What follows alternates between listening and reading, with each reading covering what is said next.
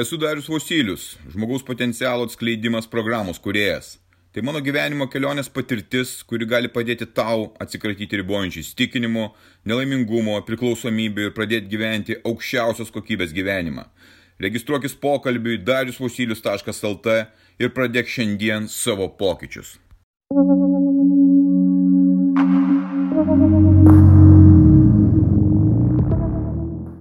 Vidinė ramybė noriu pasidalinti labai svarbią informaciją tau, savo patirtimi, patirtimi, kuri man leido atrasti raktą į mano vidinę ramybę.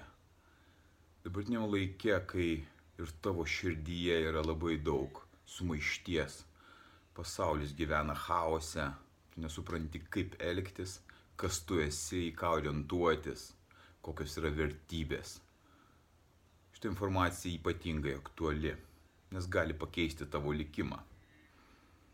Papasakosiu tą istoriją, kuri įvyko prieš nepilnus 40 metų. Man tiek užtruko, kad suprasti, kas tai yra ir ką aš turiu padaryti. Ilgas laiko tarpas. Tu gali gauti šitą informaciją dabar ir ją pasinaudoti. Kaip dabar pamenu, iš ryto mane pažadino mama. Tai buvo 84 metai. Ir jinai man sako, dariau, mirė tavo tėtis. Man buvo 12 metų. Aš atsimenu, kad aš įsikniaubiau į pagalbę ir verkiau.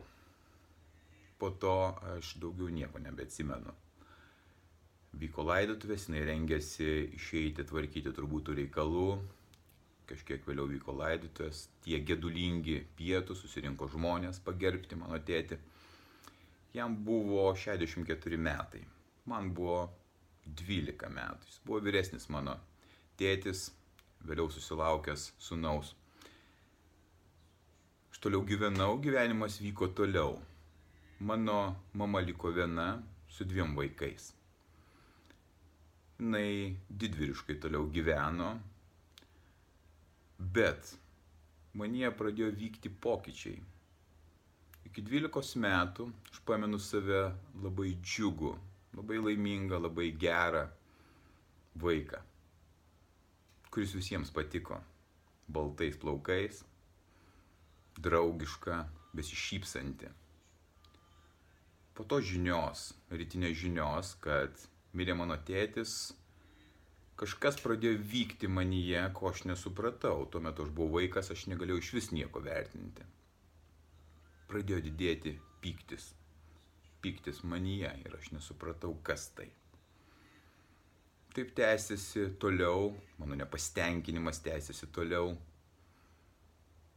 Ir štai 91 metai, kai aš sužinau, kad mano mama serga vėžiu. Ir buvo duota du mėnesiai jai gyventi. Jis gyveno trumpiau. 91 metais jinai mirė ir man buvo tuo metu 18 metų. Prisidėjo dar viena netektis prie mano gyvenimo. Aš likau be tėvų ir toliau tiesiau savo gyvenimą be tėvų. Turėjau pasirūpinti mamos laidotuvėmis ir visais kitais suaugusių dalykais, ko aš nesupratau, kas tai yra. Daug buvo nesuvokiamų dalykų man. Aš turėjau suaukti ir suprasti, iš ko susideda gyvenimas. Tuo metu vyko gritis ekonominė, nepriklausomybė vyko, viskas buvo sudėta į vieną vietą. Taigi, kuo toliau gyvendamas aš jaučiau dar didesnį skausmą, dar didesnį nusivylimą, pyktį, neapykantą, kaltinimą. Ir aš nesupratau, kas tai yra, iš kur tai ateina. Aš viduje jaučiau, kad aš esu geras žmogus, nuoširdus žmogus, bet tuo pačiu išreiškintis didžiulį pyktį ir nepasitenkinimą. Aš gyvenau be tėvų, atsirado šalimais draugų, gyvenimas klojasi savo toliau. Viskas yra tvarkoje, sukūriau šeimą, būdamas 26 metų, bet piktis nedingo, jis didėjo, pasitenkinimas nedingo, jis didėjo ir nesupratau kodėl, nors lyg tai ir finansiškai sekėsi. Ir kiti dalykai, kaip ir viskas kaip ir buvo gerai, tose normos ribose, tuo metu turint man tą žemą sąmonę ar tuo metu turint tą sąmonę. Viskas klojosi, viduje skausmas buvo ir piktis išreikštas per mano veiksmus kitiems žmonėms, artimiesiems žmonėms. Ir taip tęsiasi, ir taip tęsiasi, ir skausmas ir piktis tęsiasi toliau. Ar tau pažįstama istorija pykčio ir skausmo, kur tu nesupranti, iš kur jis atėjęs? Nusivylimas, nepastenkinimas. Tik dabar, kaip prieš porą metų, pradėjau atrasti, kas aš esu, pradėjau tyrinėti gyvenimą savo, pradėjau ieškoti būdų, kaip aš galėčiau gyventi geriausią savo gyvenimą.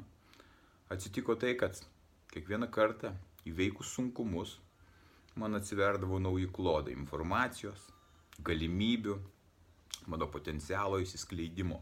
Taip gimė mano programa, kurią aš dar toliau gilinau ir bandžiau suprasti tuos procesus, kas tai vyksta, kodėl tas skausmas, kodėl tas piktis, iš kur jisai atėjęs, kol atradau tai, ką aš dabar ir panaudoju ir apie ką aš tau šneku.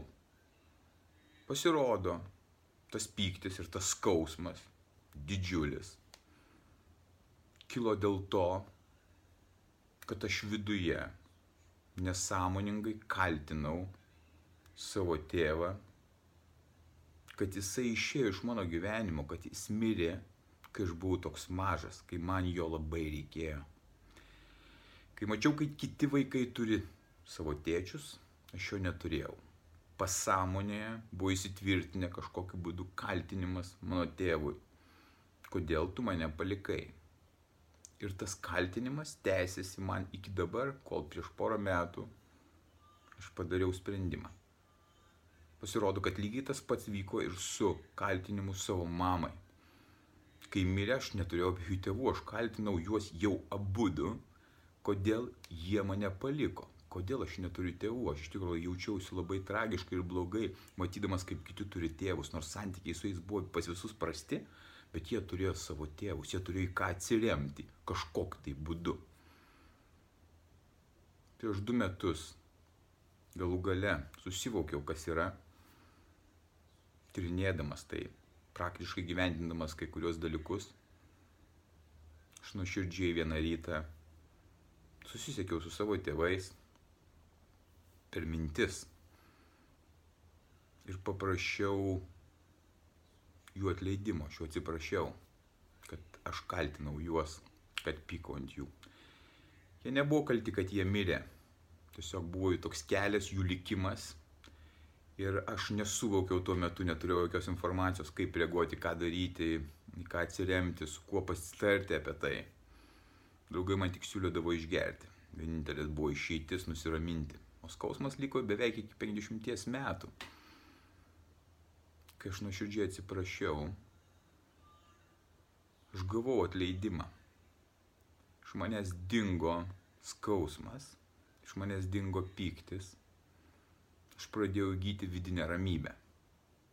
Mano kelionė tęsiasi toliau atrandant visiškai naujus klodus savo gyvenimo, savo galimybių, savo, savo viso potencialo, kurį aš pradėjau atskleidinėti. Pasirodo, kad tai buvo didžiulis sunkumas, didžiulis akmuo mano gyvenime turėti kaltinimus savo tėvams. Mano tėvai buvo mirę, bet aš sugebėjau prieiti prie to, net jiems nesam šitam pasaulyje ir jų atsiprašyti, širdie atsiprašyti, nuo širdžiai atsiprašyti.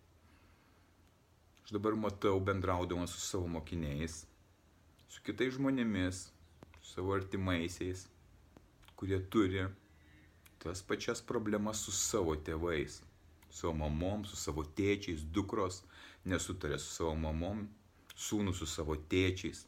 Taip, galbūt jie nėra idealūs tie jų tėvai ir tavo turbūt tėvai nėra idealūs. Galbūt jų sąmonės lygmuo netoks, jie pasaulį kitaip supranta.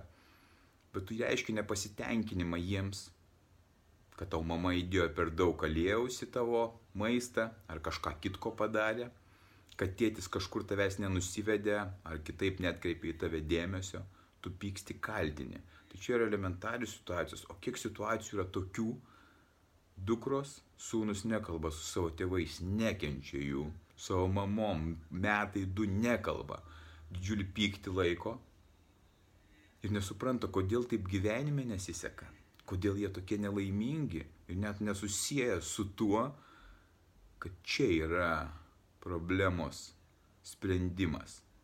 Čia, kol tu nesusitvarkysi savo santykių, nuoširdžių santykių su savo tėvais, nesvarbu ar tu jaunas, ar jau vyresniam amžiui, ar net tavo tėvai yra mirę, kaip ir mano buvo, tol tu negyvensi jokio laimingo gyvenimo. Gali ieškoti, vaikščioti meditacijas, jogas ir panašiai, tau tai nepadės to padaryti.